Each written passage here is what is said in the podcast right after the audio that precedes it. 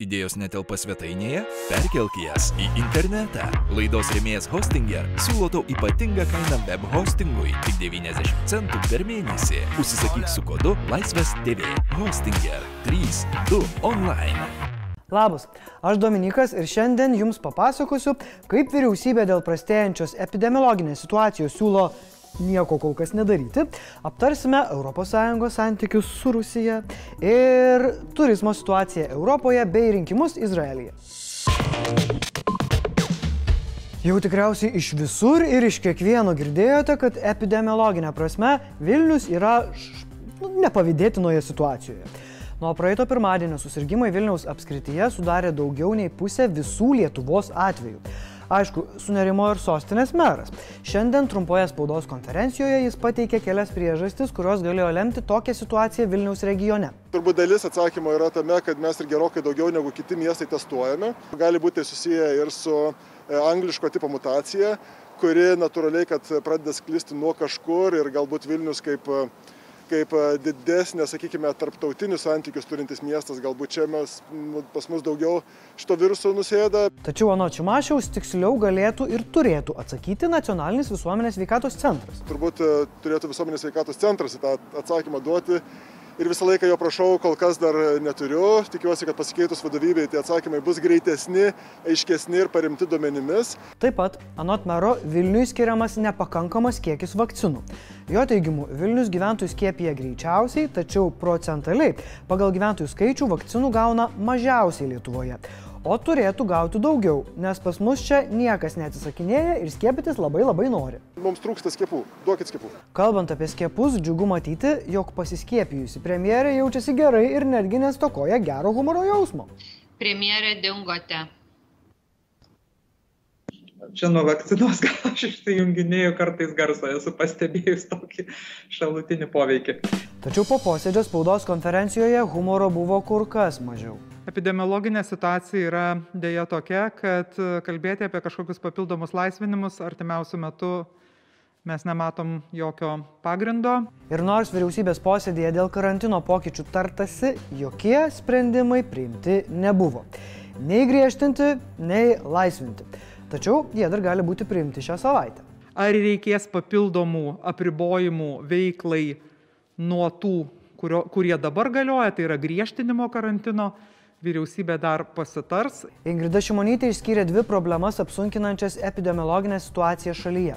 Vienas galvos skausmas yra išsiskyrusi dinamika skirtingose savivaldybėse ir Velykų švenčių keliama papildoma rizika dėl didesnio žmonių judėjimo, tai tai yra viena. Bet kita nemažiau svarbi problema yra Pietų Afrikos Respublikos a, viruso atmaina.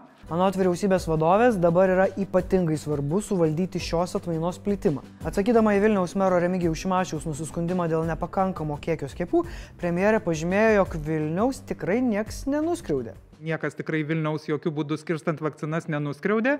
Taigi, kol kas karantinas bus kaip buvęs, saugokite save ir savo artimuosius. Kaip po mėnesio draugystės poroje kažkuris paklausė, tai kokioje stadijoje mūsų santykiai. Taip ir aš dabar klausiu, kas iš tikrųjų vyksta tarp ES ir Rusijos. Apie tai kalbu, nes ši tema bus viena populiariausių Europos vadovų taryboje, todėl noriu papasakoti apie penkis principus, kuriais yra paremti ES ir Rusijos santykiai. Pirmasis - Minsko susitarimai dėl karo rytų Ukrainoje. Kol Rusija nepradės jų vykdyti ir neparodys, kad atsisako ekspansinės politikos, apie jokią santykių šilumą net kalbėti nėra prasmės.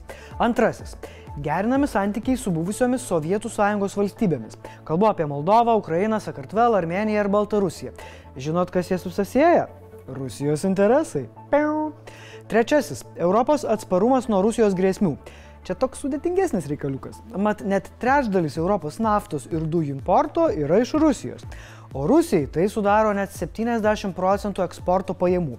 Dar pridėkim tai, kad vokiečiai baiginėja tiesioginį dujų vamzdyną su Rusija Nord Stream 2 ir turime santykius, kuriems idealiai tinka žodis nejauku.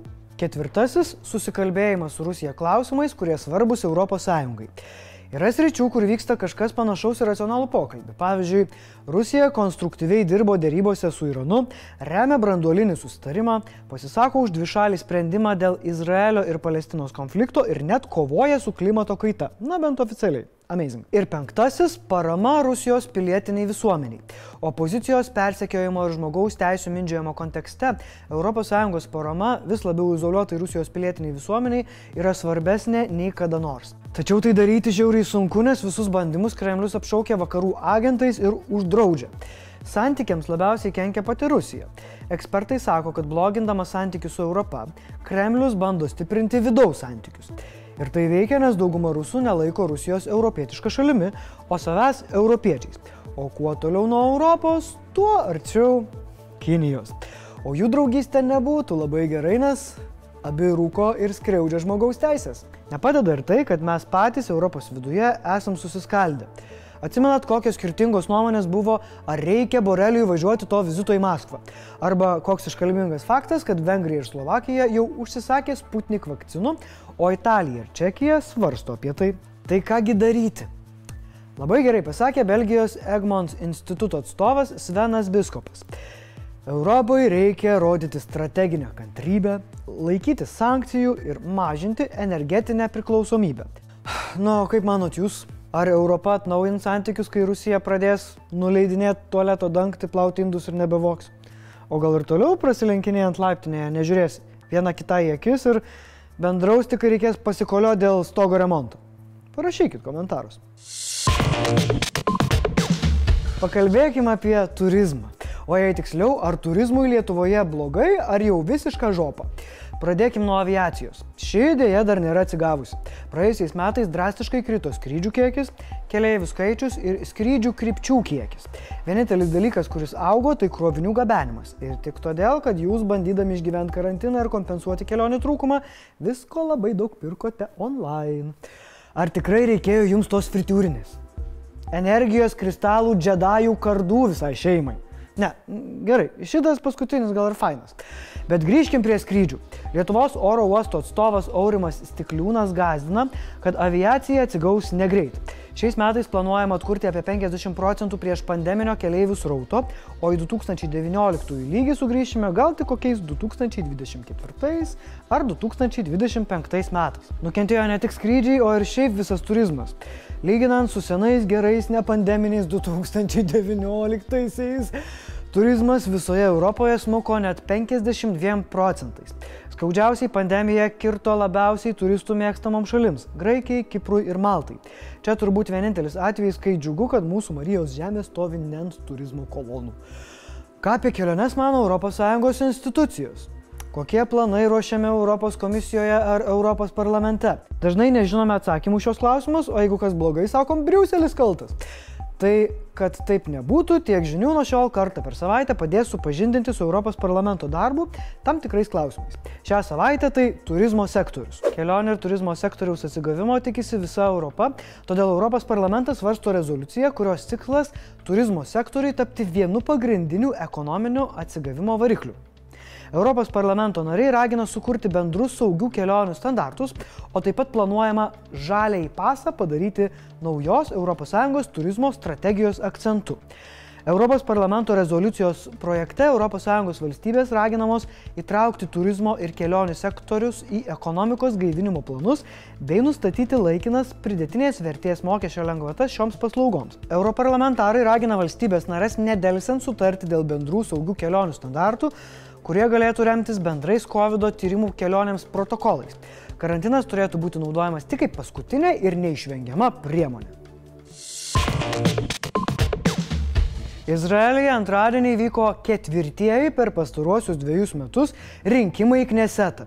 Ir jeigu jūs jau tikitės pokštų apie tai, kaip žydams nepavyksta susitarti, geriau keliaukit į Orlausko humoro kanalą, ten kolega turi daug įvairių juokų. Rinkimų nugalėtojų save jau paskelbė ilgametis premjeras Benjaminas Netanjahu.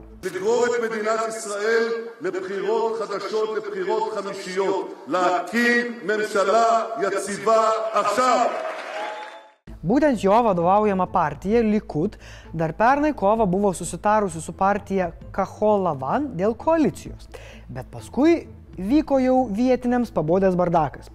Abiejų partijų lyderiai žaidė kas bus premjeras ir kiek laiko. Tuomet gruodį Knesetas neprėmė biudžeto ir galiausiai visi turėjo skirstytis po namus. Va toks puikus valdymas ir privedė prie naujų rinkimų.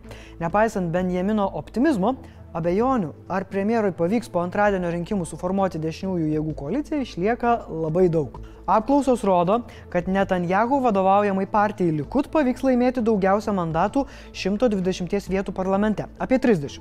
Susitarus su griežtesnės politikos partnerėmis galima tikėtis 50 ar 51 mandatų.